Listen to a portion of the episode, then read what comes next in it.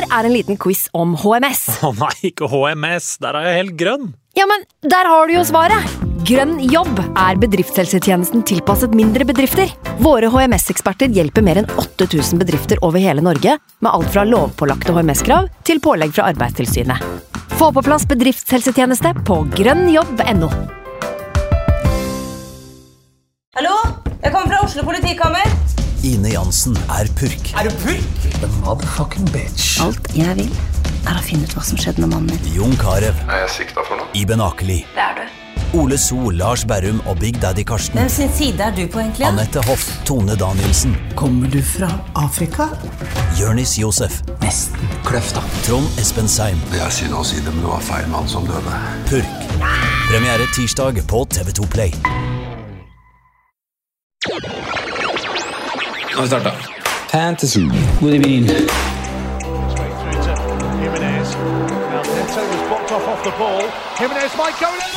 through to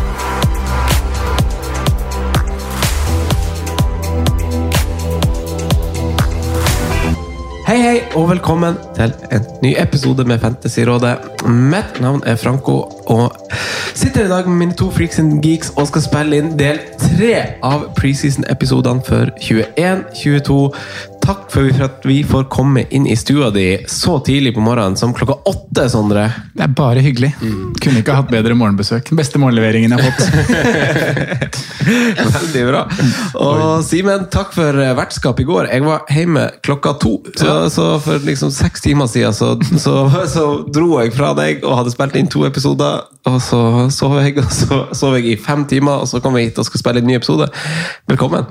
Jo takk, og det var veldig hyggelig å ha dere på besøk i, i går. Men man merker litt at man er litt sånn trøtt i trynet etter eh, hva skal man si, en lite timers eh, søvn. Men eh, det var egentlig ganske deilig å bare komme seg bort og eh, glede seg til å prate litt om de nye lagene. Eller de nye. Vi kjenner jo til veldig godt de ti resterende lagene vi skal ha i de to neste episodene. Men, men det, er jo, det er jo disse lagene man kanskje gleder seg aller mest til å se. Selv om det kanskje ikke er eh, størst mulig endringer og kanskje ikke er så viktig Og, altså Det er viktigere å presentere Brentford og Norwich, uh, Watford, de som kommer opp, igjen til, eller opp til Premier League, men uh, det er mye snacks vi skal gjennom i, i disse lagene her òg. Altså. Det har skjedd en del uh, endringer. Noen nye trenere, en del nye spillere, og det kommer til å skje enda mer. Det er det, så det blir jo litt å snakke om også, uansett.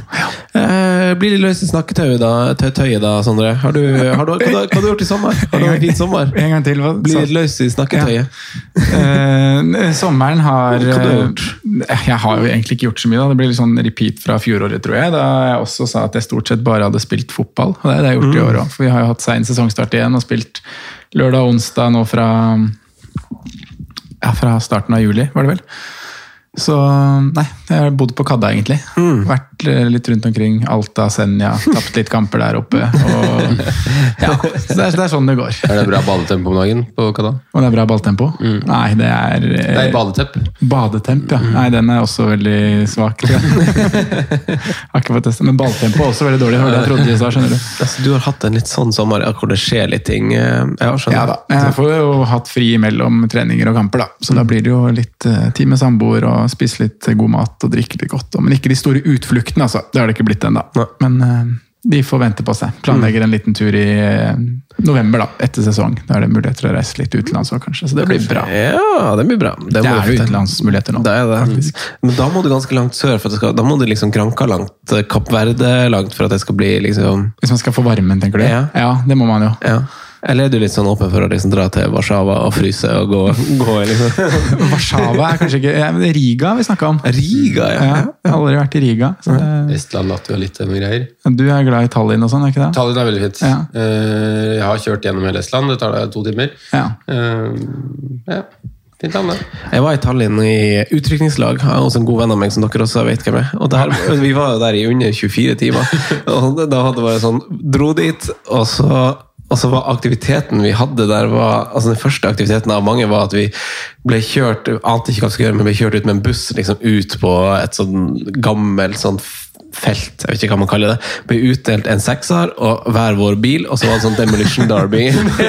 I, jeg kjørte en Alfa Romeo, og så vi bare, var det bare last man standing.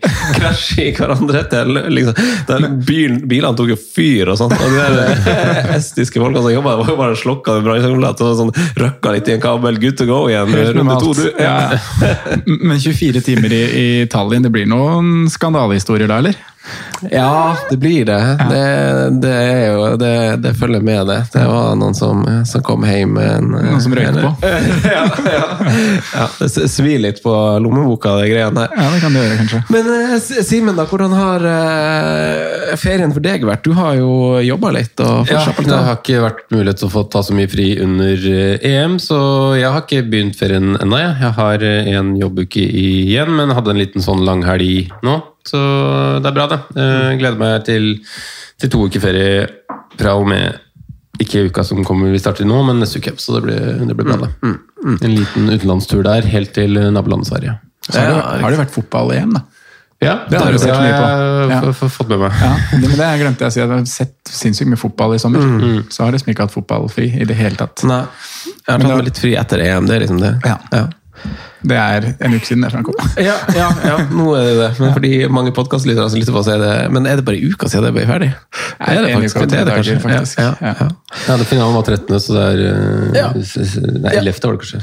13. Jeg husker ikke. Å, det er så kort tid siden, faktisk. Ja, ja. Nei, men eh, Jeg hadde, en- jeg hadde en uke hvor jeg hadde en nattevaktsuke. og så liksom skulle prioritere andre ting på kveldene og se kampene uten å få med meg mm, varsler og sånn. Og det, det er greit nok for en dag eller for en match, eller sånt, men å gjøre det konstant en uke, og i hvert fall når det er sånn jeg tipper veldig mange av oss er vant til å bare den der unødvendige runden.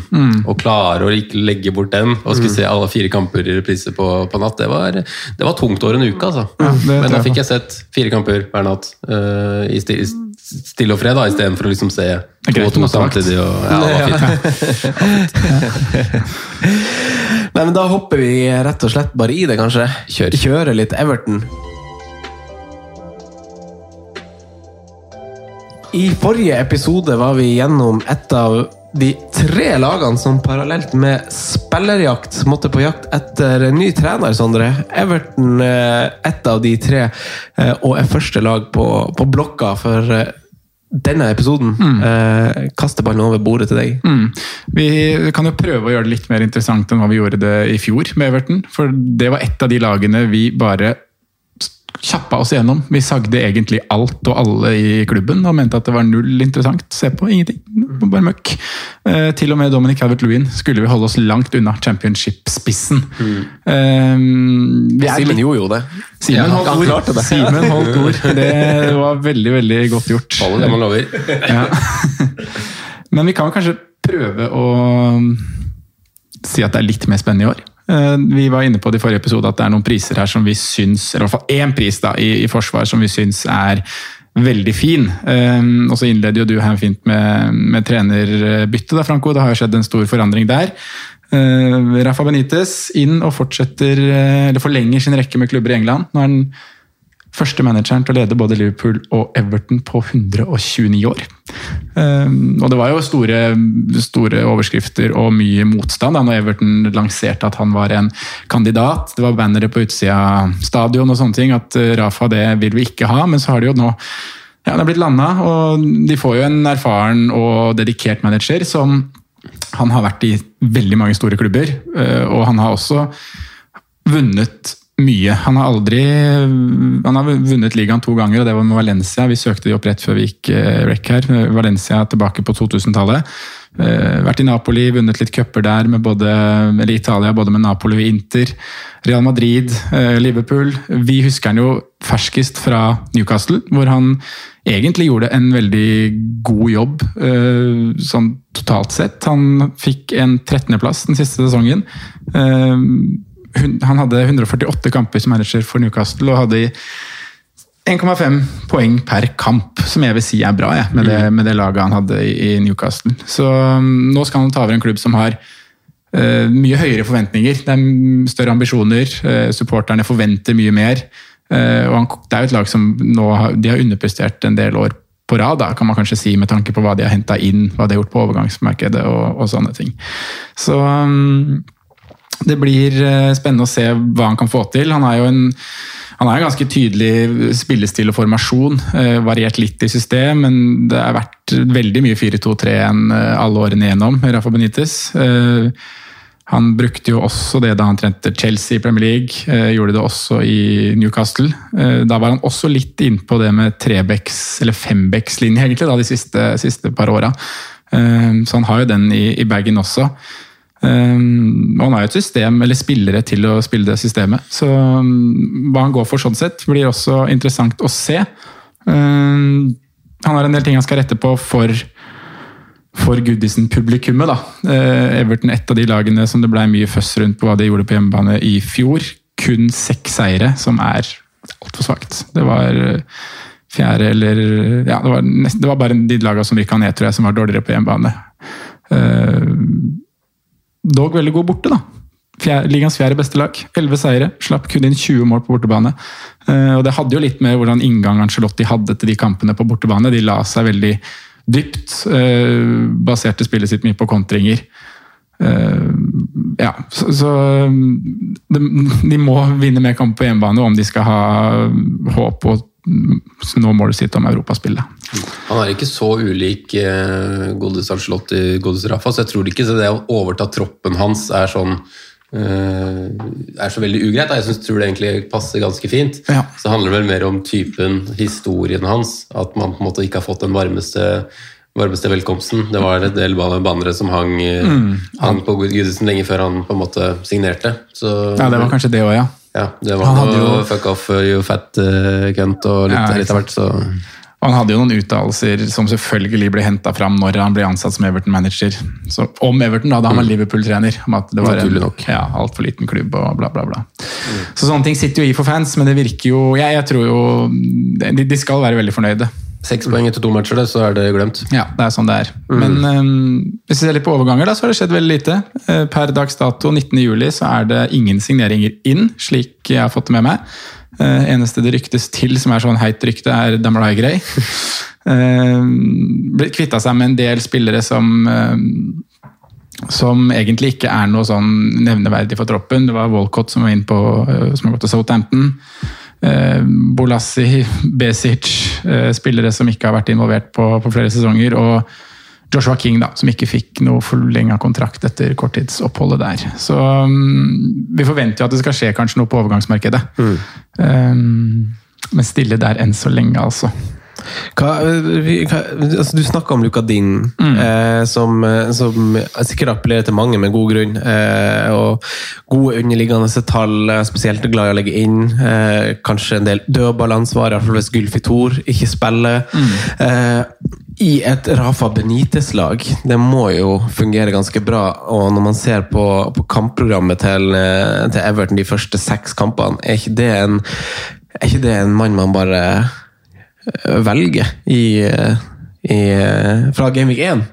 Jo, jeg tenker egentlig det. Og på et lag som hadde eh, skal vi se, 13 clean shit, 12 clean shit i, i fjor. Eh, får inn en type som er enda mer eh, clean shit-magnet enn det Carlo er. Selv om også Carlo er, har blitt synes jeg, ganske pragmatisk. Ja. Eh, også litt sånn problem med, å sette det. Everton har også vært litt sånn periodelag. Som Sondre nevnte, også bedre borte enn hjemme. Så tror jeg at antall clean shit skal gå opp med, med et par da. Eh, altså, og tror egentlig ikke at det skal gå så mye på bekostning av det offensive til Luka Ding. Eh, så, At han likevel skal få lov å være med på det. ja, så en 5-5-prising der er en av de mest sexy prissettingene på hele spillet, syns jeg. da. Det er interessant. Det er jo selvfølgelig fordi at Everton eh, var såpass svake som de var i fjor. Da, at han har blitt skrudd ned 0-5. Han hadde, hadde syv assist, så han leverte jo på en måte greie, greie tall også. Han hadde vel eh, åtte assist året før, så det var vel ikke noe ned. Han har kanskje flere fantasy-assist enn hva som står bokført på Transformark. Da. Jeg ser at han har ni på, på spillet i fjor. Så mm, Nei, jeg syns den er kjempe, kjempefin, jeg. Mm. Det eneste er litt sånn Hvis vi tar, går videre på troppen, da, så har de jo en annen spiller som jeg også er veldig spent på i år, er Richarlison. Han er også skrudd ned 0-5, gått fra 8 til 7-5. Eh, og Benitez har allerede vært ute og snakka om hvor viktig han tror at Richarlison kommer til å bli. Eh, bakdelen her, og som også kan være litt hemmende for Everton nå i starten av sesongen, er at han har vært igjennom et fullt Copa America, spilt alle kampene for Brasil der. Eh, skal angivelig gjort det ganske bra. Ja, det blir. Og nå reiser han rett til OL. Skal han spille OL òg? Ja. Så um, han kommer jo ikke til å være involvert i de første matchene. Nei, han må jo få ferie. Mm. bør få ferie. Ja. Så, så det er jo en liten sånn ja, liten bakdel ved det. I hvert fall for det offensive i Everton. Og så står jo han fortsatt oppført som, som spiss, men kan vi ikke mest sannsynlig se at han går tilbake til den rollen hvor vi har sett han være best ute til venstre? Eller han hadde jo en periode hvor han kanskje var best på topp, det var derfor man trodde at ok, nå har han fått seg en ny posisjon, men, men eh, det, det, det funka jo ikke helt sesongen som gikk, og Carlo Ancelotti han var jo oppe og hyllene eh, på dette tidspunktet i fjor, at denne sesongen Ja. han kan komme opp på tosifra skåringer, han skal bli toppskårer osv. Eh, altså kan man jo ikke si noe annet enn at eh, han leverer en veldig skuffende sesong ut ifra eh, ja, syv skåringer og, og tre målgivende. Det er jo litt for lite sammenligna med det man forventa. Jeg synes jo, kanskje med unntak av, av Luka Ding, da, at Richarlison er den beste spilleren i troppen her. Og at han er en av de bedre spillerne Everton kommer til å ha. omtrent. Altså, han er, jeg, synes, jeg setter Charleston veldig høyt, så jeg er helt enig med deg at man må sette litt høyere krav til, til han over en sesong. Da. At han må, han må opp på 15, eh, og kanskje opp på 20 målpoeng totalt, minst. Eh, med tanke på hvor god han er og, og hvor b- han skal bli. Og så blir det spennende å se. Jeg er egentlig litt enig med Sondre. Jeg tror vi får se Rafa i en 4-5-1. Ganske stram en. Altså, Ja. ja, altså 4-2-3-1, da, men 4-4-1-1 er vel mer Rafa-ish. da. Mm. men jeg synes egentlig troppen ser mer ut som en er 3-5-2. Jeg er helt enig. Jeg satt akkurat og skulle ta det opp her. fordi når du ser på, på troppen, da, så er det, det er veldig 3-5-2-landskap. Eh, For du har ikke noe sånn åpenbart klare kanter. Du har jo selvfølgelig James Rodriguez kan spille kant, Iwobi kan spille kant, åpenbare. kan spille kant, men det er ikke åpenbare. Eh, Og de har åpenbare vingbekker. Eh, Og de har tre ganske gode stoppere. Og de har en eh, god bolk med sentrale spillere. Eh, Og da Dominic Calvert-Lewin og Charlison i tospann på topp. Så jeg syns det høres helt prima ut. det. Ja, det 3-5-2-setupen syns jeg ser egentlig veldig fin ut. Ja. Mm. Og det var jo noe Ancelotti også gjorde til tider. Så troppen kjenner jo til det.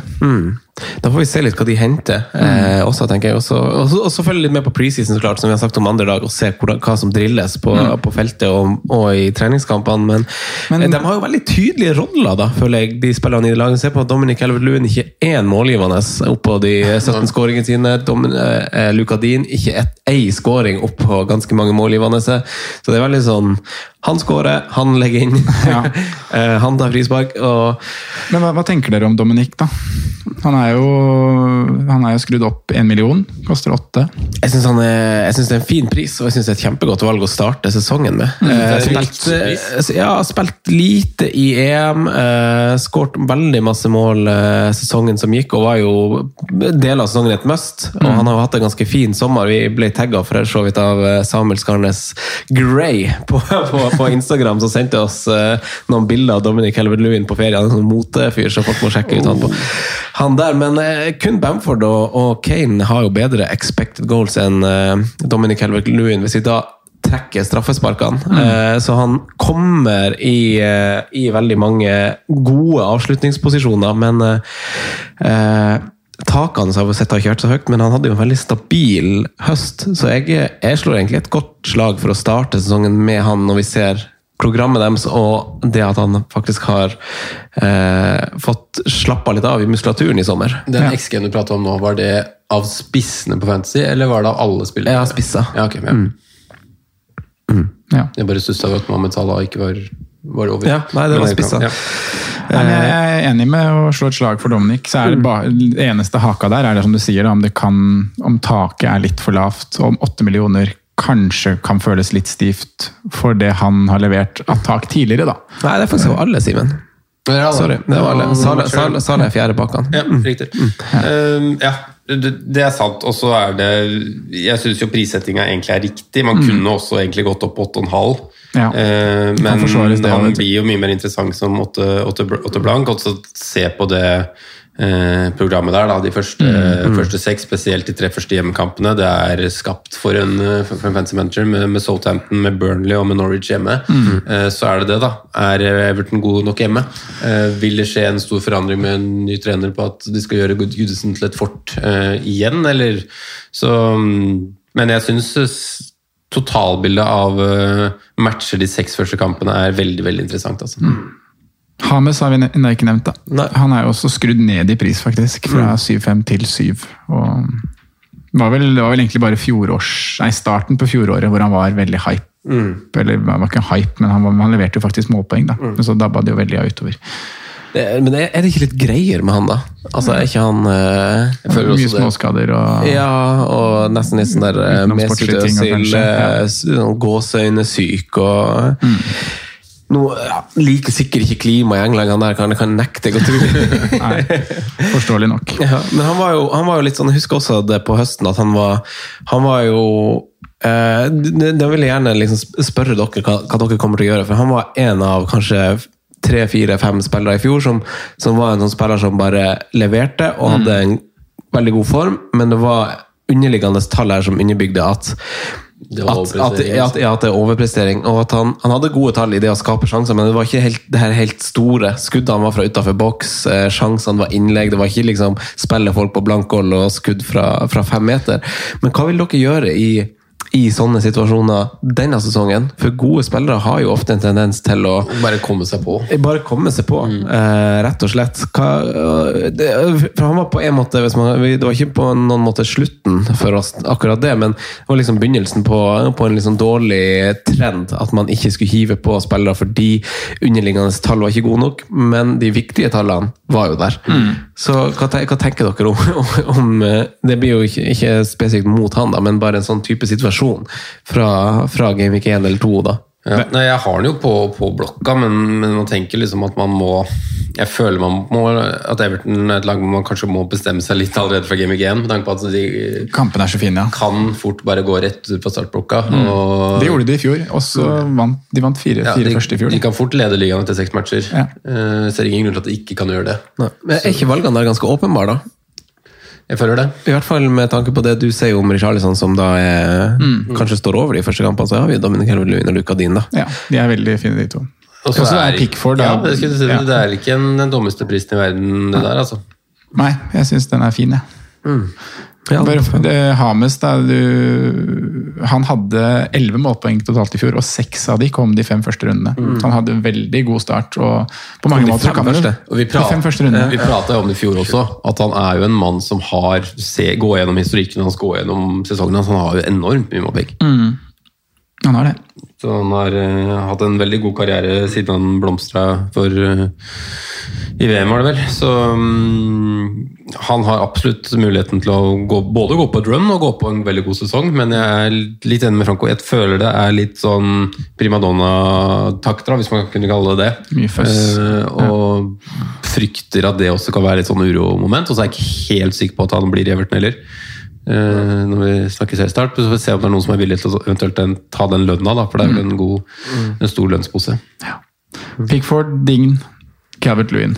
Ja. Det er topp tre, ikke akkurat i den rekkefølgen, altså. men per nå. Og så Ja. kommer Richarlison inn der når han er tilbake. Jeg, jeg, jeg liksom, jeg, man går på en måte bare og venter på at Sigurdsson skal være ferdig. Ja. Men han er, jo, han er jo en rå fyr, og jeg tipper alle vi tre rundt bordet her er veldig veldig glad i Sigurdsson. Men, og han hadde jo en, sine perioder også sesongen som gikk, men jeg går jo liksom bare og venter på at han skal begynne å sitte mer på benken. Eh, og man så vel tendensen til det egentlig i fjor, og så ble han en slags man kan ikke kalle det redningsmann, men han Ja. ble en sånn I et skada lag så kom han inn, og så spilte han bare plutselig bra, og så var plassen hans. Godt beskrevet, det. Han er redningsmann på, på tampen, så når ingenting fungerte, så var det han som steppa opp. Vi setter jo opp tabell. Vi setter hvert lag inn Ja. i, i en tabell, et tabelldokument her. Eh, Jeg kan dra gjennom hva vi har etter å ha gått gjennom de ti første lagene. Fyr!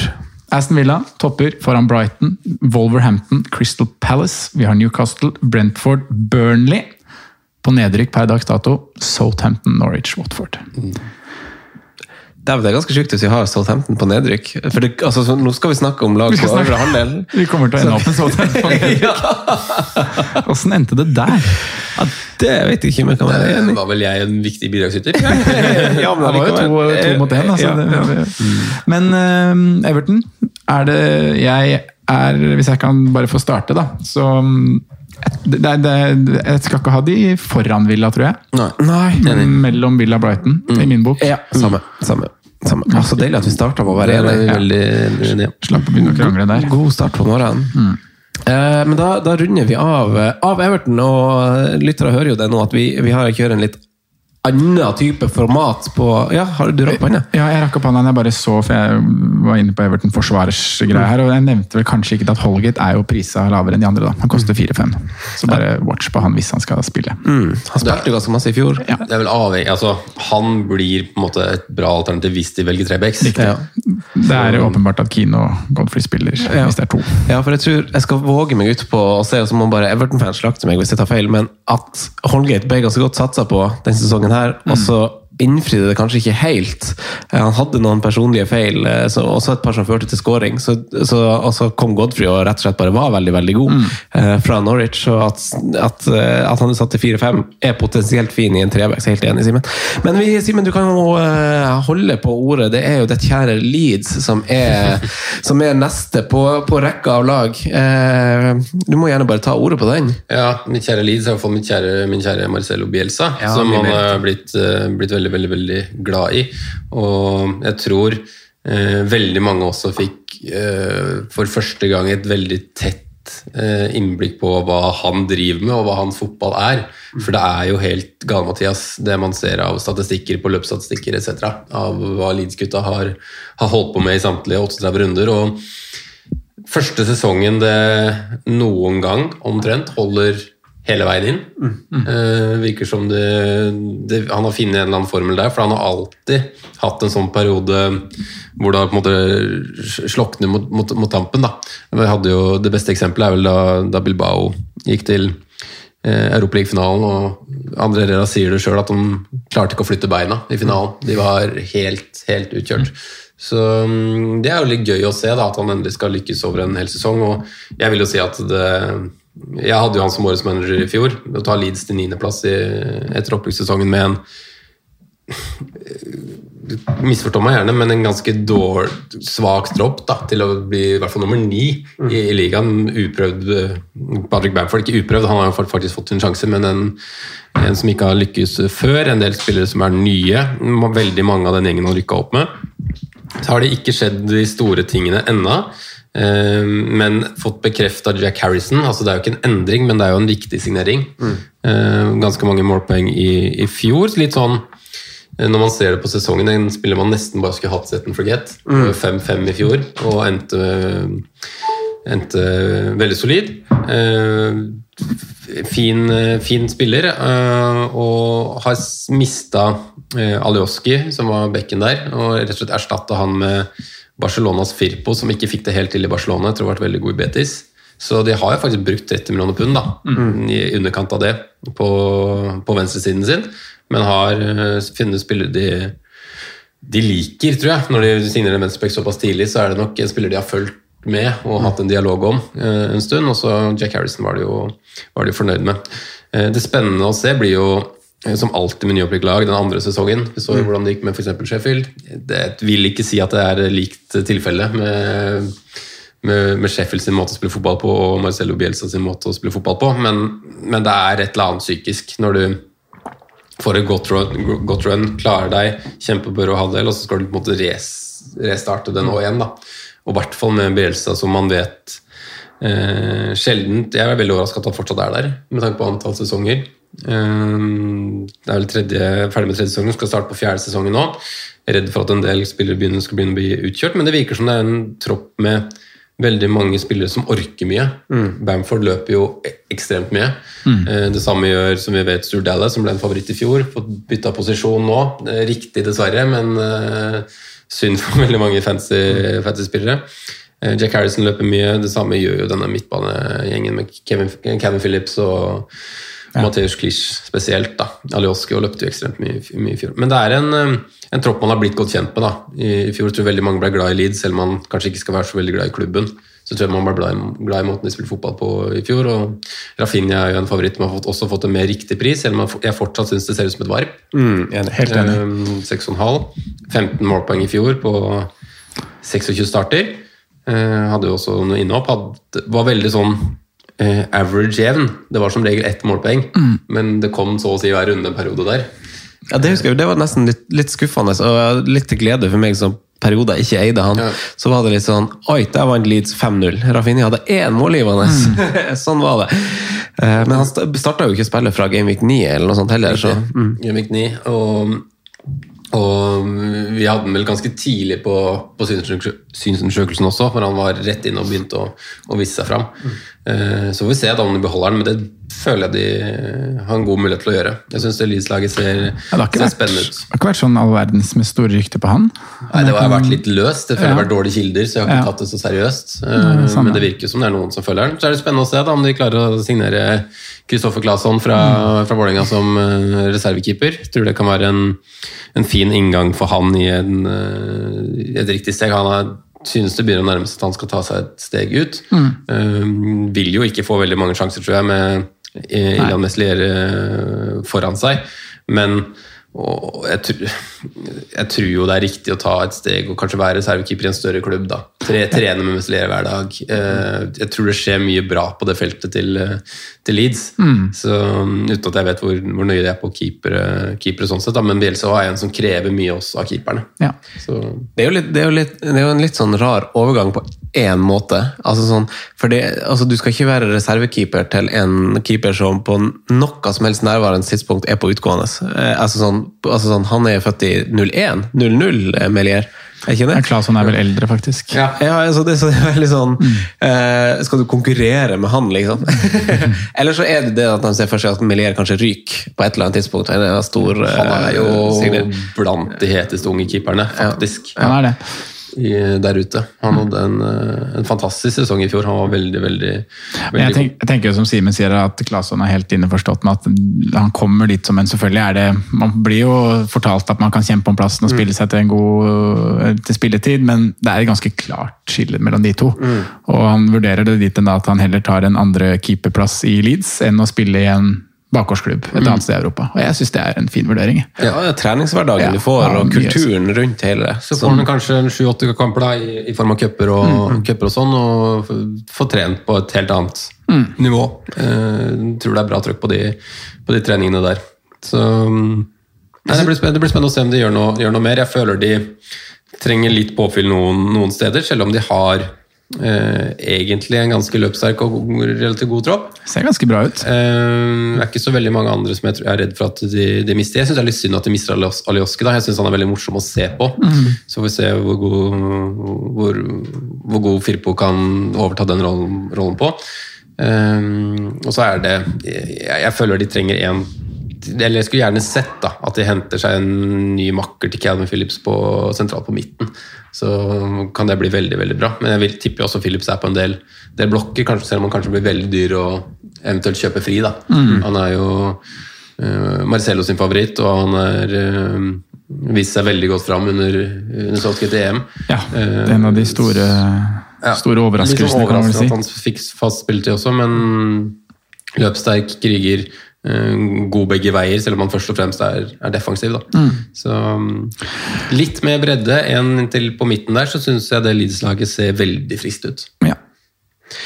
Ja, jeg, eh, altså, jeg synes det er fint du drar opp Sheffield United som en slags kontrast, fordi de hadde en god første sesong i Premier League, eh, og så får de masse skader, og så er det ikke kanskje bare derfor de røkker ned, men eh, åpenbart en av årsakene. Og i Leeds, så er det liksom, hvis man skal hylle Bielsa enda litt mer, så har det vært litt motsatt. Der henta de jo gode stoppere. Altså, jeg tror ikke Cooper var tiltenkt å spille så masse som han skulle, og så videre, og så blir jo Rente skada og er ute nesten, nesten hele tida, og det blir gjort masse endringer bak som man kanskje ikke så for seg, som et resultat gjør at Dallas da spiller en posisjon som man kanskje før sesongen ikke så for seg han skulle spille, da, men han har bekledd, eh, bekledd før. Men ser de har, de har jo eh, sånn defensivt de har flest feil som leder til sjanser med ganske god, god margin. og eh, Melier er vel en av de, for de spiller på litt høy risiko, det vet vi. Men så er det jo en spiller som du dro fram Target i, i forrige episode, Simen, som jeg syns er viktig å nevne nå, da. Eh, som, som har fått prislappen til 4-5, og det er jo Luke Eiling, Mm. som, eh, som eh, måtte spille litt stopper som en konsekvens av diverse skader, men allikevel eh, så er det kun Liverpool-backene som har bedre baseline bonus, eh, altså BPS, som, eh, som kan sanke en del poeng. Spesielt om ikke VAR annullerer de involveringene han har for mål også denne sesongen. Han hadde ni målpoeng da de rykka opp. Det var to mer enn eh, Stuart Dallas, som da spilte back, og han spilte åtte kamper mer. Altså Dallas spilte åtte kamper mer enn Luke Eiling da de, da de rykka opp, og han spilte back. Eh, kun Diaz og Liverpool-backene slo flere pasninger enn Luke Eiling denne sesongen, og ingen eh, forsvarsspiller hadde bedre suksess med sine taklinger. 108 vellykka taklinger, og det pisser nesten eh, Van Bissaka rett i trynet, det faktisk, for han hadde bare 88. Tak det er ikke et godt tegn, vet du. Nei, det var det, da. Når du først takler, har du gjort en feil. Ja, det er Maldini-sitat, ikke det? Ja. Og kun eh, Cancelo og, og igjen Liverpool-backene som har flere touch i motstanderens boks enn Luke Eiling. Og her er det viktig å påpeke da, at han spilte jo samtlige 38 kamper. Så, sånn som du sa om Target i, i forrige episode, Simen, at hvis det hadde blitt mer sluttprodukt av de involveringene vi så en tendens til, og så videre, så hadde prisen vært høyere. Og det samme kan sies om Luke Eiling, at han koster 4-5. Eh, skapte veldig masse og hadde gode underliggende tall med tanke på eh, at han ikke sitter igjen med målpoeng, og en veldig god historikk før det. Og nå får vi mest sannsynlig se han mer på høyrebacken og mindre som stopper. Så, så han vil jeg eh, slå et slag for. Det er absolutt en uforløst der også, så er han egentlig ganske god på dødball, som han liksom aldri fikk, eh, fikk vist i fjor. Men jeg er helt enig med Franco. Det, jeg er ikke overraska, og jeg forventer egentlig en fire-fem målpoeng over en sesong der. Eh, ja, kanskje det er mye å be om, men jeg, jeg føler det i hvert fall er potensial til det. Og Så får vi se da hvor, hvor, gode Leeds er, eh, er defensivt i år. Jeg tipper de kommer til å ligge på en sånn cirka det samme innslupne mål imot, men kanskje mindre clean shit. Eh, De hadde en bra rekke i fjor. De hadde litt overraskende clean shit, kanskje mot en del topplag. Mm, ja. Eh, Og så profitterer Leeds da på gamblingen sin, spesielt hvis man ser på bortestatistikken. Ok, de ble nummer, de ble nummer ti, men de vinner ti bortematcher. Som, som nyopprykka. Og så er de sånn eh, som de er. De går alltid på seieren. Så det er eneste lag som ikke spiller uavgjort borte. Jeg så det. det er, Eh, så det er ti seire og det er ni tap. Eh, og det tror jeg egentlig de profitterer på i lengden, med at de, liksom, de går for det hver gang. Da. Og de gir seg jo ikke på én, de, de skal avgjøre. Um, så det er et veldig veldig interessant lag å, å se på. Blant de morsomste å se på, syns jeg. Eh, og, og tror også vi får mye av det samme denne sesongen. her, Og så er det litt sånn klassisk Bjelstad at han får mye skader i løpet av en sesong. Så får vi håpe at både Koch og Lorente holder seg skadefri, så vi ser de eh, fast. Jeg tror heller ikke Stroik var tiltenkt å spille så mye som, han, som han gjorde i fjor. Fikk over 2000 minutter der. Han er vel egentlig fjerdevalget der, vil jeg faktisk tro. Selv om jeg syns han er en bedre stopper enn eh, Cooper, som du var innom. Mm. så tror jeg det er Lorente og Koch som, som i utgangspunktet skal spille der. Og så skal jo selvsagt, eh, skal jo selvsagt Cameron Phillips droppe ned og, og være den tredje stopperen i, i visse situasjoner. Offensivt, da. Sånn er du, altså, Rafinha eh, skaper flere sjanser for laget, åpenbart. Eh, Simen nevnte Harrison, som er veldig fin. Eh, Bamford, tallene taler for seg. Det er vel 17 skåringer og 7 målgivende, selv om det er helt sykt, ikke det? ja, han er 17, ja, 11 assist på Ja, fantasy. det- det, er sikkert noen sånne frisparksassist Ja, som ikke ja, telles på andre ja, ja. sider. Så det er jo spinnvilt, og prisen 8 er jo det er helt, helt riktig. Og som Calvert Lewin kunne vært på 8-5, Mm. uten at det hadde vært noe stort problem. Um, men uh, når du har Rafinha i det laget her til 6-5, uh, så er i hvert fall det der jeg tenker å kikke innledningsvis. Uh, så er programmet til Leeds litt sånn opp og ned i starten, om jeg ikke husker helt feil. Eh, Ganske tøff start. Ganske tøff start. Ja. De har Manchester United, Everton og Liverpool i løpet av de første fire. Eh, Men så blir det en fin rekke fra, fra runde fem. Så mm, På det tidspunktet så har man også sett litt, eh, men Rafinha kommer nok til å være høyaktuell allerede fra start. Mm. Bamford kan bli aktuell etter hvert. Og så syns jeg det er eh, viktig å nevne innspurten eh, Rodrigo hadde. Han hadde fem målpoeng på de fire siste matchene. Fire skåringer, én assist. Han var et hat-trick i en av de siste matchene her, han ikke? Han hadde en med to, og så var det, To var det. to kamper med en scoring. Mm. Så han spilte seg jo, han starta vel ikke alle de, han kom inn på benken, men han spilte seg litt varm, da. Eh, og det var jo han vi satt og snakka mest om i, i, når vi snakka Leeds i fjor. Storsignering og en av de som på en måte skulle være bærebjelker i, i Premier League. Uh, så kan det hende at det har uh, ja, at han skal få en bedre start nå. Han er rekordsigneringen deres, vel? Om jeg ikke tar helt feil. Så det er naturlig at vi prata mye om han i, han i fjor. Eh, Så prata vi også litt om Det var veldig mange som trodde han kom til å ta posisjon til Bamford. Eh, Vi trodde vel egentlig han skulle få den plassen bak, eller på siden. Mm. Det ble jo i hovedsak bak, men han fikk jo, som du nevner, litt av den spilletiden til Bamford mot, mot av sesongen i hans posisjon. da. Så det blir spennende å se. Jeg, jeg tror hovedsakelig han ønsker å bruke begge to samtidig, og ikke én av de. Mm, med tanke på at det er kanskje med unntak av Rafinha, de beste spillerne han, han har, eh, og Phillips. Ja. Så mm, ja, det blir spennende å se. Jeg håper eh, for breddens skyld at eh, Costa Roberts Poveda får én mann som er bedre enn de. Ja. Jeg synes egentlig alle de tre er hakket for dårlig, men hva skal man forvente måte fra et nyopprykka lag? I et lag som har slitt en stund økonomisk. Jeg skal ikke undervurdere det heller. Eh, og, satsa litt. Eh, har jo selvsagt fått mye penger nå. Har, tenker kanskje at de prøver, skal prøve å etablere seg nå, så da må de investere litt i en, eh, i en offensiv til, føler jeg.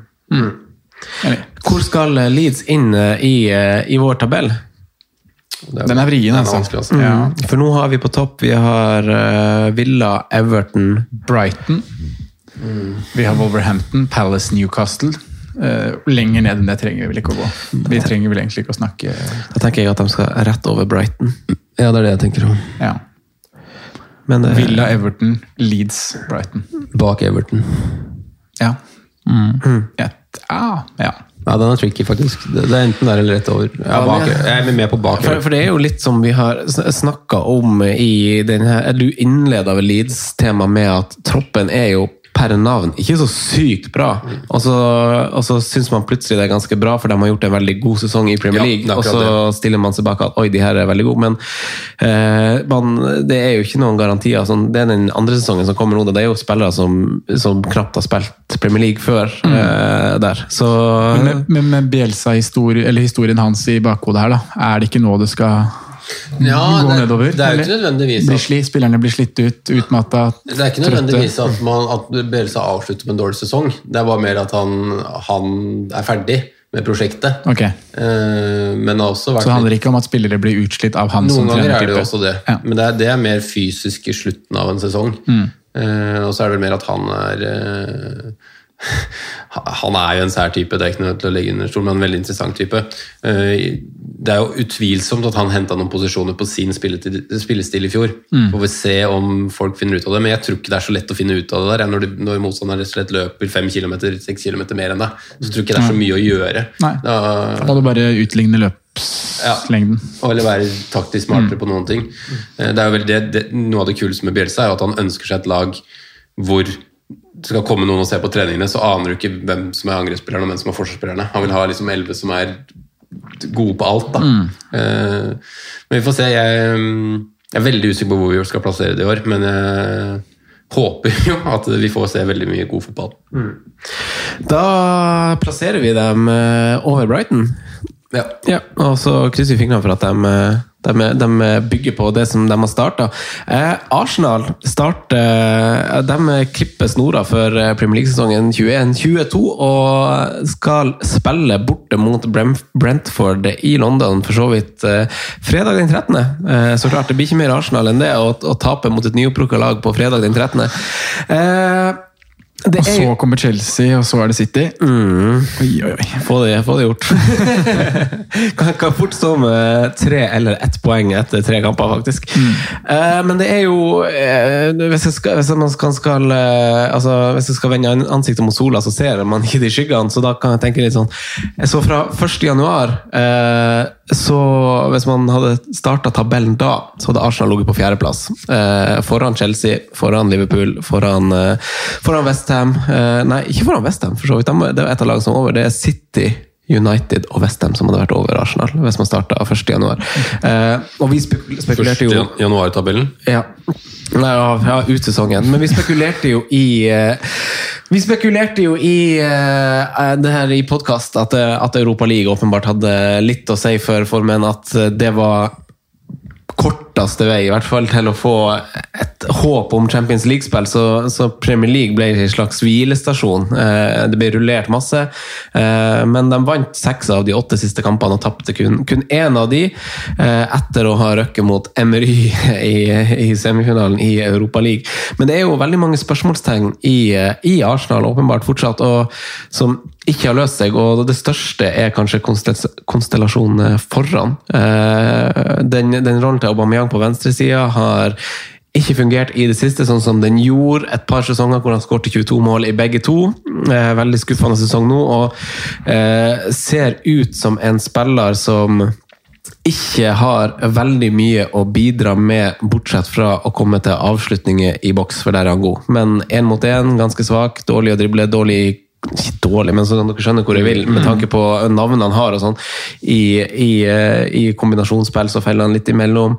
Eh, og så fungerer ikke han og Lacassette sammen, selv om de er BFFs eh, off, off the pitch. og Det er jo litt sånn litt dumt eh, hvordan det skal funke. Lacassette er på utgående kontrakt. Hva kommer til å skje? Eh, så det er en del sånn spørsmålstegn om hvem som spiller, og, og hvor, hvor de ulike spillerne skal spille. Vi vet jo at et par spillere mest sannsynlig går ut dør nå. Eh, Sjaka og William, f.eks. Eh, jeg, tror, jeg, jeg tror en del spillere som spilte denne sesongen og var veldig god på våren, spesielt Saka og PP, kommer til å få et litt større ansvar offensivt. Saka kommer til å være mer på, på dødballer. Han, han tar jo dem når Sjaka og William ikke spiller, så Straffer òg, eller?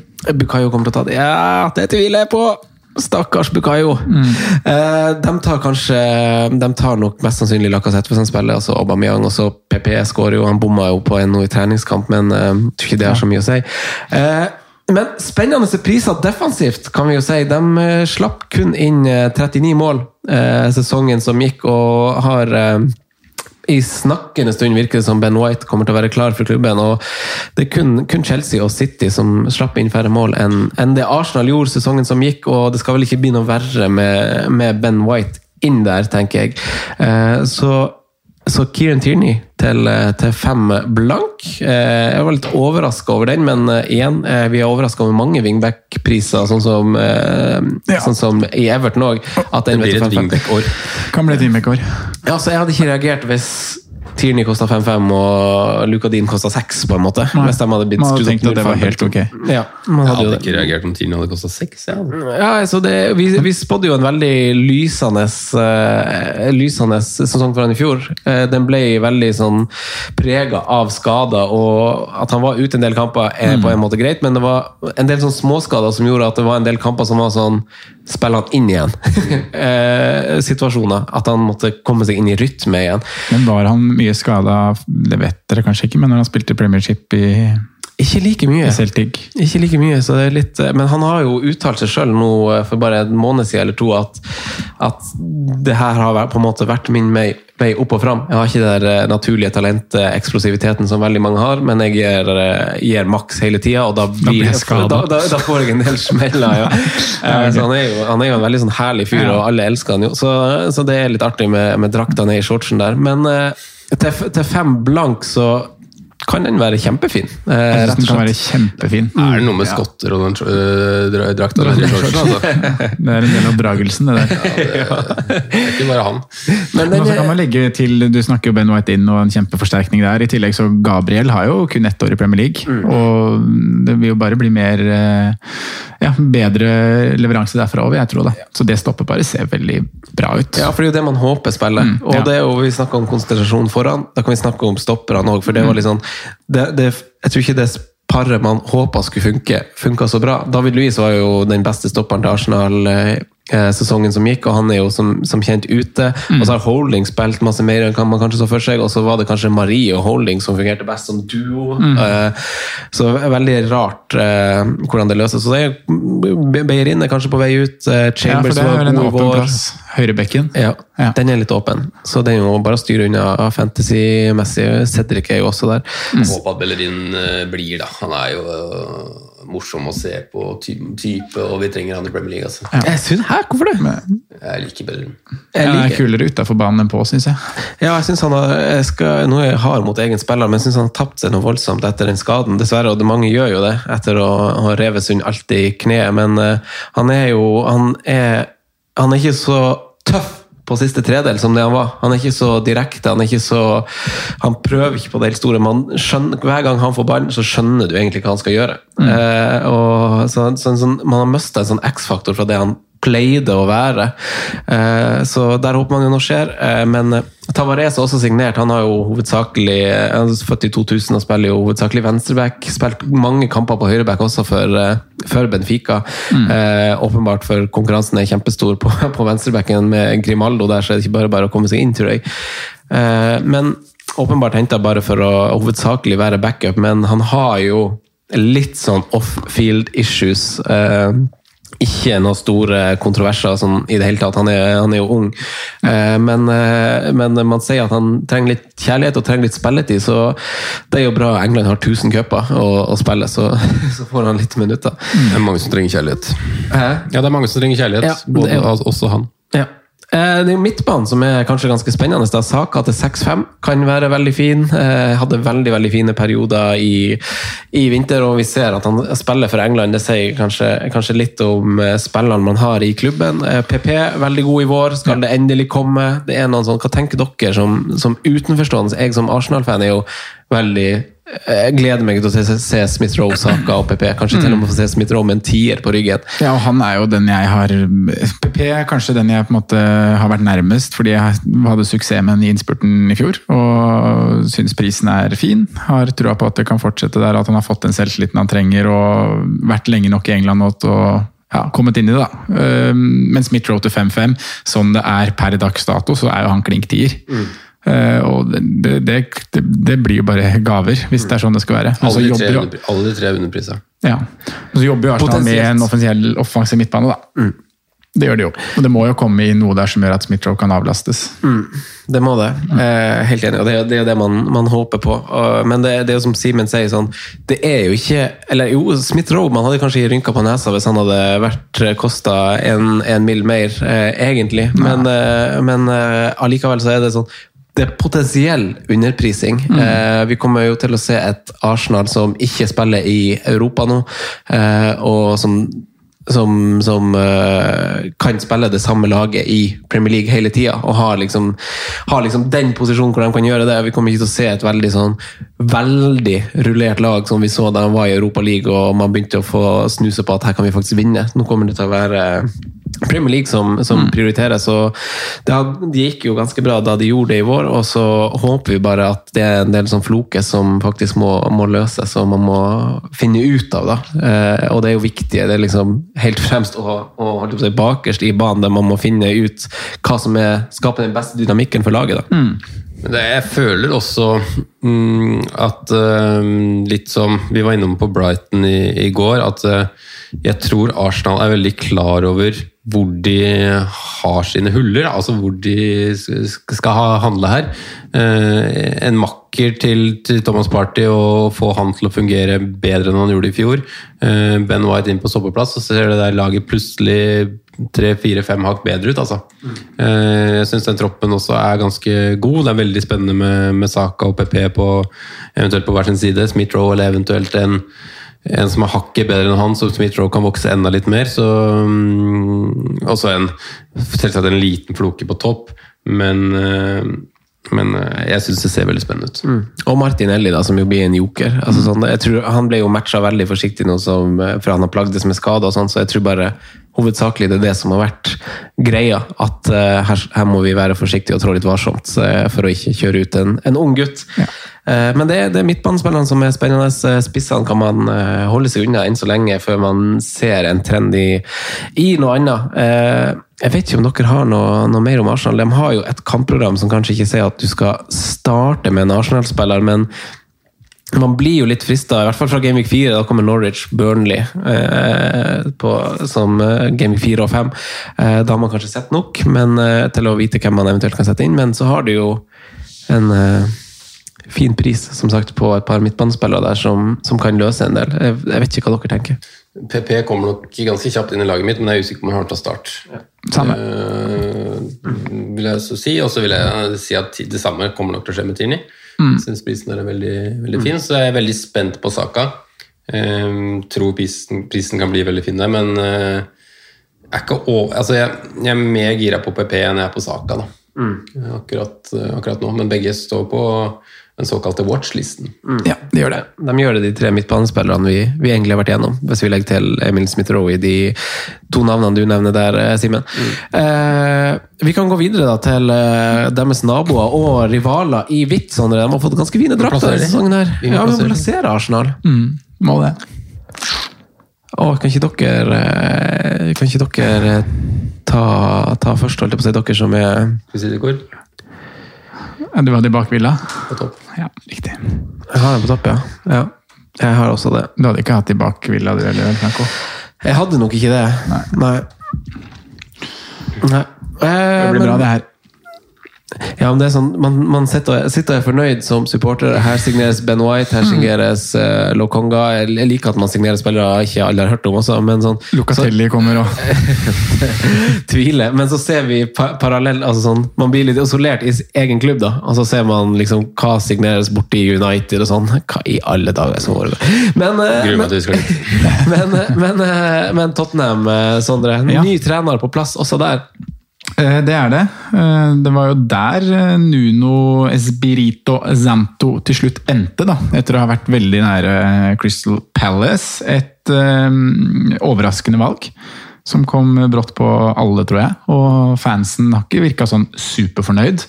Men jeg tenker jo at eh, det kan bli bra. Jeg har litt trua på, på Nuno Espirito Santo. Og jeg, vi vet jo, nå har vi blitt litt kjent med han og hans spillestil gjennom eh, et par sesonger i Wolverhampton. Eh, um, og det spilles jo en, en artig type fotball. En, eh, en formasjon som er trebekslinje, det er wingbacker som er offensive. Eh, han gir også ganske mye spillerom til offensive kanter. Eh, Så er det jo det om, når man ser på topp, eh, troppen til Tottenham, da, om det, det, det passer det. Jeg er litt sånn ja, det kan gå. det kan gå. Så er det store spørsmålstegn. da. Eh, Hva skjer med Harry Kane? Der kan ting ha vært eh, oppe på bordet når vi har gitt ut denne episoden. Um, Og så er det en del spillere i, i troppen som, eh, som man liksom venter på skal komme tilbake. da. Kan eh, Santo få i gang Dela Ali, f.eks.? Uh, nå er det jo også bekrefta at Gareth Bale ikke er med videre. Men eh, Nei, det er, det er veldig mange spørsmålstegn, og det skal, eh, det skal revansjeres godt i, i, i Tottenham fra en skuffende sjuendeplass i fjor. De har eh, levert under par nå i, i flere sesonger. og ja, nei, jeg, eh, jeg er veldig spent på hvordan det her kommer til å bli. Men eh, hvis man dykker i, i fantasy-troppen og, og, og ser på priser og sånne ting, så syns jeg jo egentlig det kan være en del spennende her. Eh, Regulot til fem blank i et wingback-system kan være veldig veldig fint. Eh, Vi kjenner jo Dockerty og hva han har gjort under Santo. Også han til fem blank kan bli veldig veldig fint. Eh, Dele Alli koster 6-5. Son prisa til 10, det er vel ganske riktig. Endelig har han fått det priset opp som vi, vi har venta på. Han var jo helt nede på, på 9 i fjor. Um, Ti er riktig. ja, det er det. Så Nei, det er, det er mange spørsmålstegn, og vi må egentlig bare få svar før vi involverer oss i noe. Men den store snakkisen her er jo om hvis Harry Kane spiller i Tottenham når sesongen starter, og han har den eh, prislappen på 12,5 millioner, kommer dere til å ha med fra start? Eh, nei, det er åpenbart kapteinsvalg i runde tre, hvis man har begynt å kikke på sånn kapteinsrullering og sånne ting. Det er en runde hvor Watford er hjemme, altså. Watford hjemme på hjemmebane. Og den er egentlig veldig tydelig, for da, har, da spiller City mot Arsenal og Chelsea spiller mot Liverpool. Ja. Så hvis, eh, hvis Kane er i eh, hvem, hvem United har da? Manchester United? De har Wolverhampton borte, ja. Mm, så den er jo mulig ja, men, også, eh, men Watford hjemme, der kommer majoriteten til å sitte på Kane. Mm. Og det kommer jeg også gjerne til å gjøre, tror jeg. Hvis, Mm. Om han er skadefri og anklene funker og han fortsatt er i Tottenham. Ja. Mm. Jeg tror også jeg kommer til å gjøre det. Det er, det er vanskelig å si. Men så ellers er det, det, er, det, er, ikke så mye mer å si om Tottenham. De må, de må forbedre hjemmebanespillet sitt. De tok ikke nok poeng hjemme i fjor. Eh, borte var de ikke så halvgærne, altså. Da hadde de Jeg skal få det opp her, men jeg lurer på om de var ligas fjerde beste lag på, på bortebane. Uh, blingser jeg nå? Gjør kanskje det. Ligaens ellevte beste lag på bortebane, gode hjemme. Ja, var sånn det var. Det var motsatt. Vi måtte bedre bortebanespillere sitt, gode på hjemmebane. Eh, så ja, alt i alt ikke så, så mye mer å komme med per dags dato. For det må, det må skje ting på overgangsfronten inn og ut. Det var, det var dessverre en kjedelig sesong med mm, i i fjor.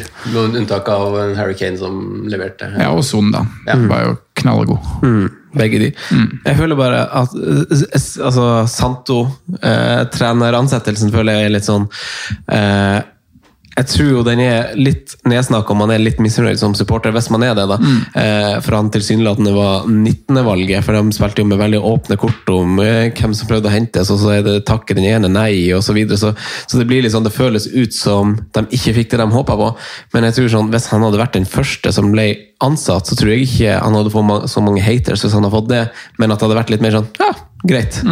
Og personlig så tenker jeg at det er ganske sånn han i hanske fitt. Han er jo en veldig godt likt og respektert mann. Eh, Jeg husker jo da, da Arsenal skulle ha ny trener eh, før de ansatte Arteta, så var jo han et veldig hett navn på blokka. Eh, og det har jo sine årsaker. Jeg tror han er en veldig fin fyr, eh, som, eh, som, som folk i garderobe videre respekterer. Så jeg tror eh, matchen der kan, kan være ganske bra. Og som du sier, eh, Sondre, så har han en tropp som kanskje passer ganske bra til den stilen han har spilt. Og Ja, og også bra for Tottenham at de får en manager som har en klar Ikke at Mourinho ikke har en klar spillestil, men at det er liksom også offensivt. da, Så er det en tydelig retning på noe. For det har jo på en måte vært mangelen under Mourinho. At ja, man vet at man skal være defensivt godt strukturert, og sånne ting, men offensivt har det vært veldig opp til Harry Kane og Hongminson. Mm. Nå er det litt tydeligere eh, offensivt spill også under Santo. og det, det tror jeg er bra for,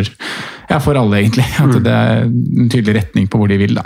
Mm. Jeg også tror det kan bli en, en, en brukbar match. Jeg tror Høibjerg skal få en ganske fin rolle der sentralt som, eh, som hva skal jeg si, som eh, ballfyrer. Og tro, men jeg føler også at troppen mangler noen ting her, altså. Eh, Jeg er ikke helt eh, klok på stopperne der. Nei. Jeg føler uh, Alde Farrell der har nådd sin topp. Jeg tror ikke Dyer er god nok. Jeg syns Roden er spennende. Jeg syns Sanchez gjør for mye Er for, er for, for lik Bailly, hvis Ja. det er mulig å si. Altså, Litt for villbass. Ja, litt for villbass. Eh, men utvilsomt så har han jo det fysiske til stede og kan jo bli en klasse, eller klassestopper, men jeg syns han mangler noe. Jeg synes han har sett det lenge nå. Eh, Ndombele har også noe uforløst. eh, og kan bli veldig bra, men jeg savner egentlig noe sentralt, selv om Lo Celso og Høibjerg Ndombele høres ganske bra ut på papiret. Eh, og så synes jeg det er på tide at de kvitter seg med både Lucas Mora Lamela og får inn en kvalitetsspiller der. åh, jeg er enig, kanskje Sissoko også kan, ja. kan finne veien ut. Det, det er vanskelig å gjøre alt dette på et vindu, da, men jeg føler det er noen ting som, som må gjøres der. Kanskje ta en litt sånn Solskjær-ryddig jobb. Eh, selv om noen av spillerne er sikkert gode nok, men det passer ikke inn til det jeg vil gjøre der, eller Nuno Espirito Santo vil gjøre der. Så Men de har jo noen spillere som slår, slår litt unnafra. da. Altså sånn, eh, altså, eh, Lookaliken til Liam Payne, han, han Winks har vel kanskje fått sine sjanser, og er kanskje sånn sett liksom, man er kanskje litt lei han. Men vi har jo, som vi nevnte i første episode, Oliver Skip, som eh, leverte en prima sesong, og spilte jo masse Premier League-fotball også før han gikk på utlån. Så det var helt topp utlån. og så Kanskje plutselig liksom, man, man ser på en sånn slags fornying og benytter muligheten av en ny treneransettelse og til å på en måte røske litt tak og, og gi litt nye spillere sjansen. da. Kan godt være det. Hvis vi snakker litt mer Kane-son, da, som er de åpenbare valgene her, eh, så har jo Santo variert mellom å spille 3-4-3 og 3-5-2. Mm. Hva tror dere på en måte passer Son best av de to? 3-5-2. Vil dere se han i et to- tospann med Kane, eller i en kantrolle på venstre med en wingback som kommer rundt? Jeg vil veldig gjerne se han i tospann med Kane. Ja. Det høres jo veldig kult ut, fordi de er så buds på, på banen. Og da slipper de også, da slipper de også Den høyere kantrollen er jo Der har de jo ikke noen spiller, hvis de skal spille 3-4-3. Holdt jeg på å si. Lamela, som du sier, det er jo ikke godt nok. Det er ikke godt nok. Og da har de Dockerty som breddeholder der, og så Så kan vi variere Er den 3-5-2-en, om du kjører med to innerløpere gjennom Belé og Lo Celso, Lo Celso, ja. eller om de kjører på en måte en to flate med Høibjerg og si en da, og så sette Delali i rommet imellom. Tror begge, de form, begge de to konstellasjonene syns jeg ser veldig bra ut på Mm. papiret. Der får du brukt det. Men vet du. eh, hand, altså det, det er ikke Det er jo Delali, vi vet jo alle hva han er god for og, og alt det der, men det handler nå om å få han skikkelig i gang igjen. Altså. Mm. Det er lenge Det er siden vi har siden, sett ja. han on fire. Vi så han on fire de første fire rundene med José Mourinho. Eh, Det var vel Westham-kampen borte hvor han her var helt spinnvill igjen, og så Mm. slokna det. Eh, Nå må vi se han on fire i uke etter uke i en periode. Mm. Vi må ha han opp på 15 pluss nærme 20 målpoeng på en sesong. Ja. Eh, Og det tror jeg er litt av nøkkelen her også, for, eh, for Spurs. Det tror jeg. Men det høres jo sexy ut hvis de klarer en 3-5-2-variant med Son og Kane på topp. Dele Ali i en tirom. Du har Høibjerg, du har en til Kall det sittende bak der. To wingbacker. Da blir man med litt gira, man ikke Ja, hvis, hvis man ser for seg det, liksom en, en god altså Hvis man ser for seg den wingbacken Dorothy, og så altså liksom eh, Ikke wings, men, men Skip og Høibjerg, og så Skip og Høibjerg, da. ja, og så Regulot, og så den trioen foran der. Damn! Men så er jeg enig med Simen, når du går ned i neste ledd igjen, så er det, da er det tynt. Mange spørsmålstegn i stopper, Mm. Men eh, altså, Skip kommer jo aldri foran en Nobelé her, da. Men Nei, det gjør han vel fort vekk. Kanskje Eh, ikke. Jeg syns Nobelé er god nok og har kvaliteten til å både bekle en indreløperrolle og egentlig en sittende, så lenge det er på en måte Høibjerg som er den mest sittende, hvis man kan si det. Mm. Og jeg syns også Høibjerg har, jeg synes han, han hadde en god sesong i fjor til å ha hatt litt vanskelig, vanskelig kår. Var god, veldig god i EM, blant de, blant de bedre. Ja, godt mesterskap. På, så um, har jo også gått øh, hatt bra skolering, godeste Høibjerg. Så det er nok øh, en spiller som har veldig mye taktisk forståelse. Og, og Nuno Espirito Santo, Espirito Santo er veldig nøye, spesielt på den defensive organiseringen. Og at man også angriper med balanse. Da. Så jeg tror øh, Høibjerg blir en nøkkel i, i den fasen. Hvor skal Bare, hvis vi er i Tottenham, så er det naturlig å ta Kane. Eh, hvis han går til Manchester City, hva er deres tanke der? Nei, det er, er- det bare spekulasjoner? Det er autocap ut. Ja, Er det juks? det er juks. Rett, rett inn fra start òg, eller? Selv om Ja, programmet er Tot- småtøft? Tottenham borte i første kamp? Mm, tenk det. ja. Det hadde vært sjukt! De. Ja, det er jeg året ut. Foran eller bak Arsenal, Franco? Ja, det er jo stort. Jeg har dem bak. Du har de bak. Jeg skal de lenger ned. Du skal de bak Villa? Bak, Bak Everton. Everton. Oi. Ok. Hvordan ser eh, de øverste fire ut her nå, ifølge deg? Arsenal, Aston Villa, Everton, Leeds, Ok. Bright. For her, eh, Da tar du utgangspunkt i at Kane drar, du. Jeg tror du de kommer så langt ned. Egentlig, Jeg har ikke sånn kjempetroa på, på, på Spurs, med mindre de får inn en det Altså, jeg tror Som jeg sa, tror nøkkelen og mye av nøkkelen her er Dele Alli. Jeg tror han eh, er litt ferdig. Eh, Det virker som en Ndombele også er på litt på vei ut. Jeg sliter med å se at de finner en spiller der som passer vel godt inn. Så nei, jeg jeg er usikker over følelsen. Jeg syns stopperen er for dårlig. Eh, Jeg har ikke kjempetroa. Jeg tror eh, de er mellom Arsenal og Villa, faktisk. Ja, jeg vil ha de Jeg tror faktisk der, egentlig. Det. Men det, men det er jo det kjedelige Ja, kjedelige valget. Det er si sånn, Jeg kunne også ønske at Villa på en måte var høyere på tabellen. Det kommer til å skje noen banebrytere Ja. denne sesongen òg. Og Men, men hvis Kane blir, så tror jeg jo det Ja. holder, på en måte. samme. Og Santo har organisert defensivt gode lag med store og tunge stoppere før, han. ikke at Boli og Cody er jo ikke dårlige stoppere, det er ikke det jeg sier, men de er jo litt like typer, egentlig. Ja, altså de kan, Du kan ikke si at, uh, at uh, forsvarsrekka er noe sånn veldig mye, mye svakere. Nei. Men uh, ja, nei, jeg er ikke jeg, jeg er ganske sikker på at det står en eller annen stopper på blokka til Espirito Santo, uten å vite hvem, men det gjør det nok. Også en som antageligvis er litt yngre. Mm. Ja. det hadde som sagt vært kult hvis man benytter muligheten til å bare kjøre inn Skip og Rodon. Rodon. Rodon! Du er en Pokémon. Eh, Inn bak Arsenal. Inn bak Arsenal, da. Eh, Simen, eh, siste laget for denne episoden er også et London-lag, og det er Westham. Eh, om man kan si den store overraskelsen fra sesongen som gikk.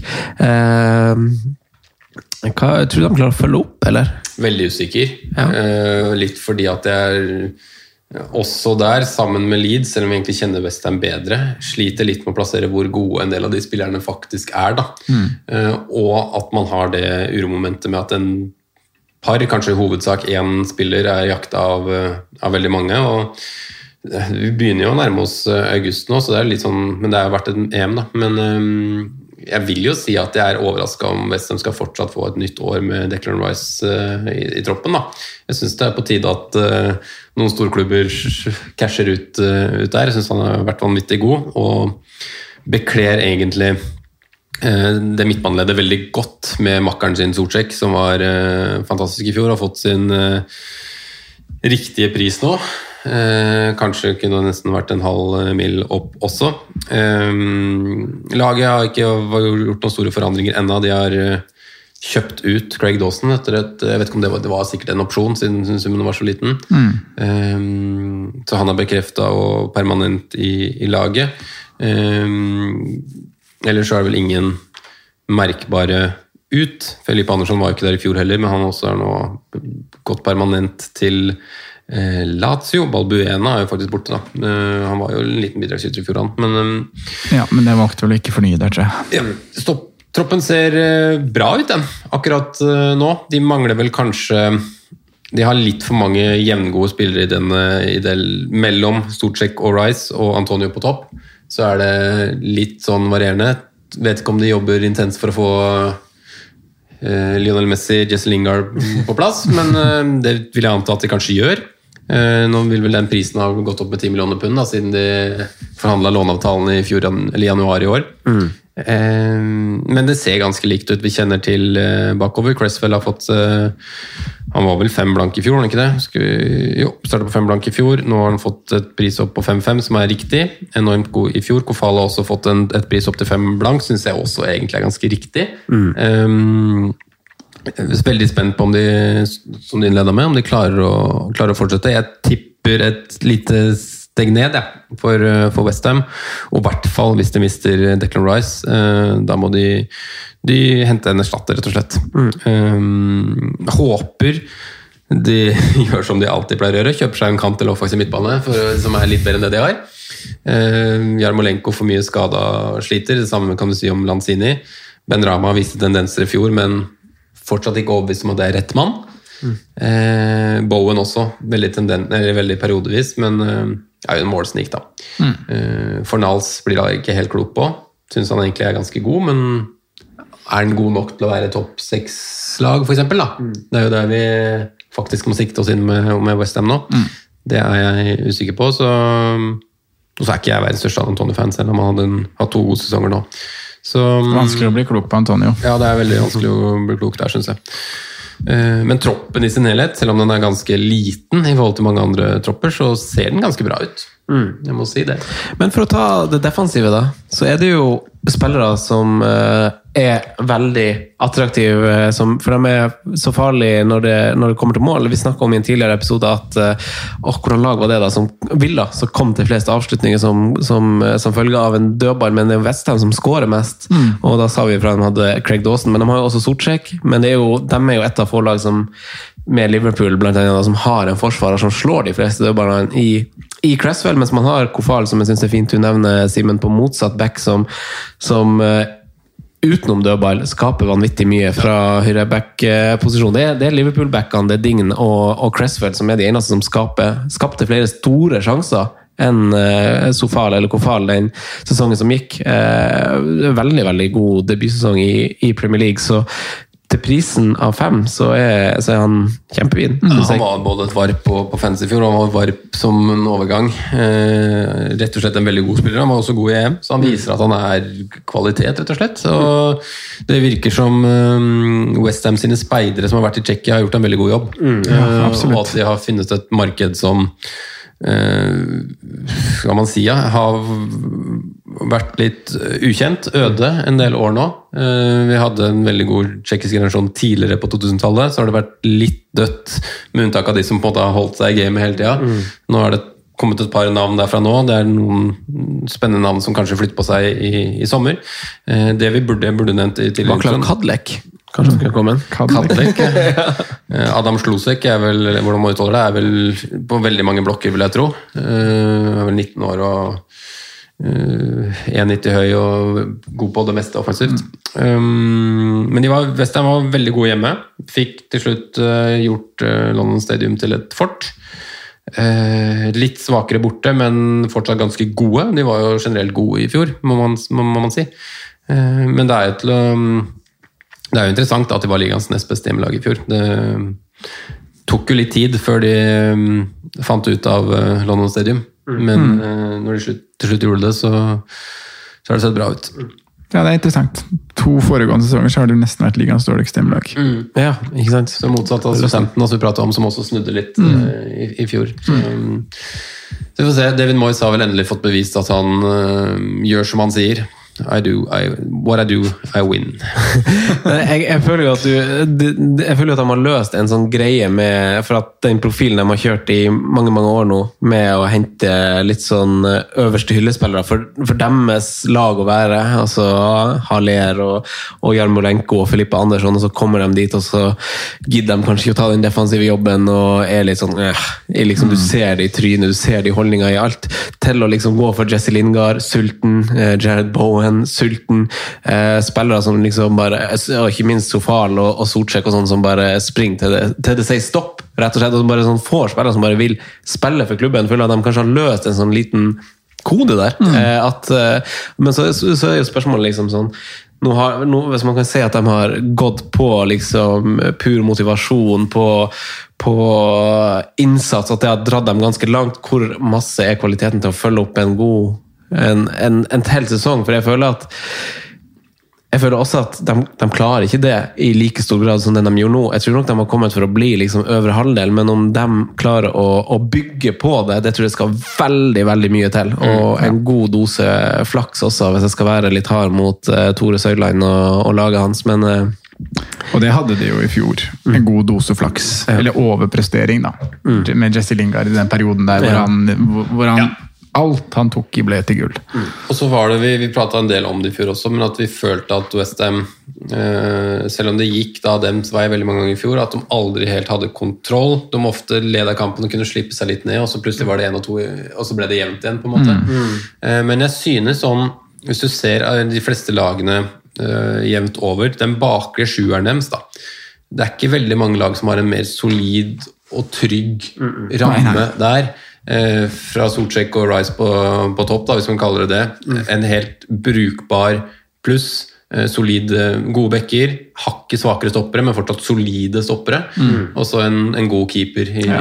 i Fabianski. Så det, det bakre ser veldig bra ut. Så jeg er spent på da, om enkeltspillerne, hvis man skal si det sånn, klarer å levere på et likt nivå offensivt. Det er en fin, uh, fin konklusjon. ja. Og så er det sånn, hvis, hvis Antonio blir skada, som han kommer til å bli Ja. Hva kommer til å skje? Eh, de har ikke mange, mange strenger å spille på på topp. Men eh, det, det er backene, eh, for å bare konkludere fra min side, altså backene de er begge, begge er på topp på eh, topp fem på sjanser skapt over hele. Fjerde, og femte på sjanser skapt sesongen som gikk. Eh, så de står, står høyt. på- er vel kanskje den største blemma vi hadde i fjor. Ja. At vi ikke klarte å være der. Snakka til og med litt for lite om han, kanskje. Ja, det. Eh, Litt under radaren. Eh, hvor skal de inn på tabellen, eh, gutta boys? Den er vanskelig, den. Ja, det er i hvert fall bak Arsenal og Spurs og Villa for min del. Jeg har han faktisk også bak alle de tre. Inn lenger, tror jeg. Bak Everton. Så har vi Leeds, så har vi Brighton. Jeg vil ha de bak Leeds, jeg. Jeg vil ha de bak Everton. Oi, tre ulike, hva gjør man da? Ja, for du ville ha de? Nei, jeg har ikke sagt noe om jeg vil ha de bak Brighton òg. Men du vil ha, ja, ok. Det er avhengig av Declan Rice. Nei, vi kan ta de bak Leeds, da. Bak Leeds. Leeds skal Leeds oppå der, da. Ja, ja, ja.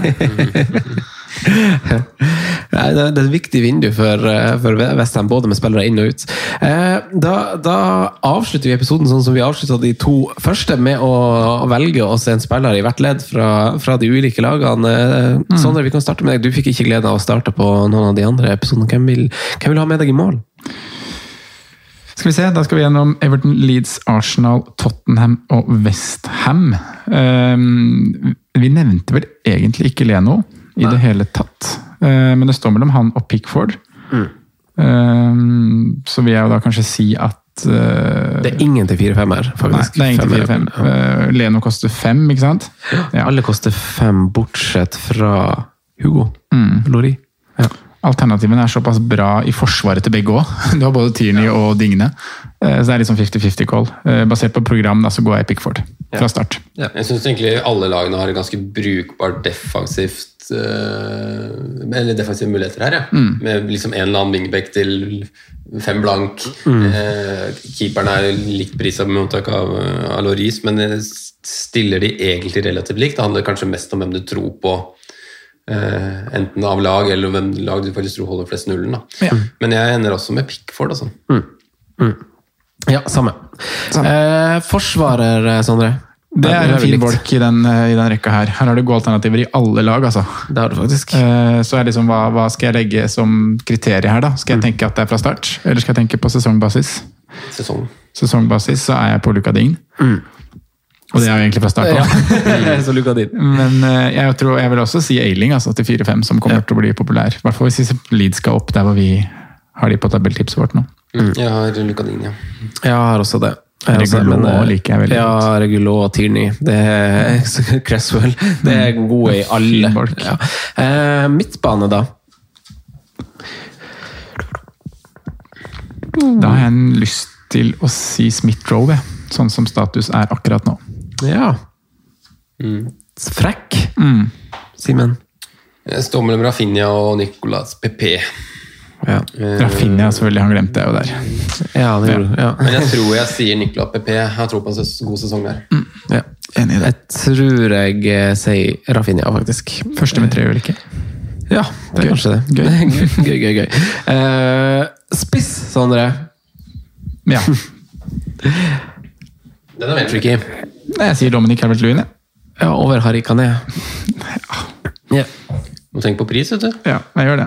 Ja. Men det er jo ikke noe tvil om at Harry Kane er den beste. Nei, for, for, meg, for meg så er det sånn Kane før sesongen, Dominic Calvert-Lewin for å starte med. Ja, Hvis det, hvis det er sånn som det er nå, da. mm, Det blir uh, kjedelig, men det blir Harry Kane her. Altså. Ja. Ja, jeg ser også det. Eh, da runder vi av denne episoden, gutta, og så snakkes vi neste gang. Det gjør vi. Adios. Hei. God evening. Straight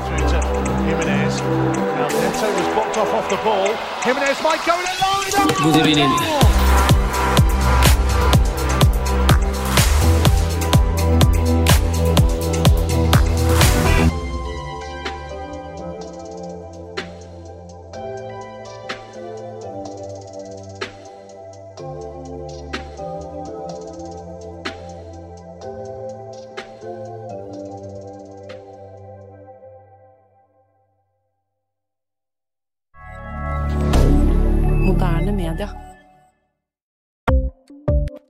Ukens annonsør er Folio, en smartere banktjeneste for deg som har en egen bedrift eller ønsker å starte for deg selv. Folio er en superenkel nettbank for bedrifter. Som kunde i Folio får du en bedriftskonto med et bedriftskort og app. I denne appen er det smarte løsninger som forenkler regnskapet ditt, uansett om du har en liten bedrift eller et enkeltpersonsforetak. Folio er både intuitivt og brukervennlig, og er laget med et enkelt språk. I tillegg tilbyr de forutsigbare priser og ingen skjulte gebyrer. Skulle du likevel trenge det, så kan du snakke med deres raske og hyggelige kundeservice, og der får du prate med en faktisk person og ikke en chatbot. Folio er med andre ord både enklere og koseligere enn banken. Over 10 000 bedrifter har allerede valgt Folio som sin banktjeneste, så besøk folio.no og se hvordan Folio kan forenkle din hverdag også. Har du et enkeltpersonforetak eller en liten bedrift? Da er du sikkert lei av å høre meg snakke om hvor enkelt det er med kvitteringer og bilag i fiken, så vi eh, gir oss her, vi. Fordi vi liker enkelt. Fiken superenkelt regnskap.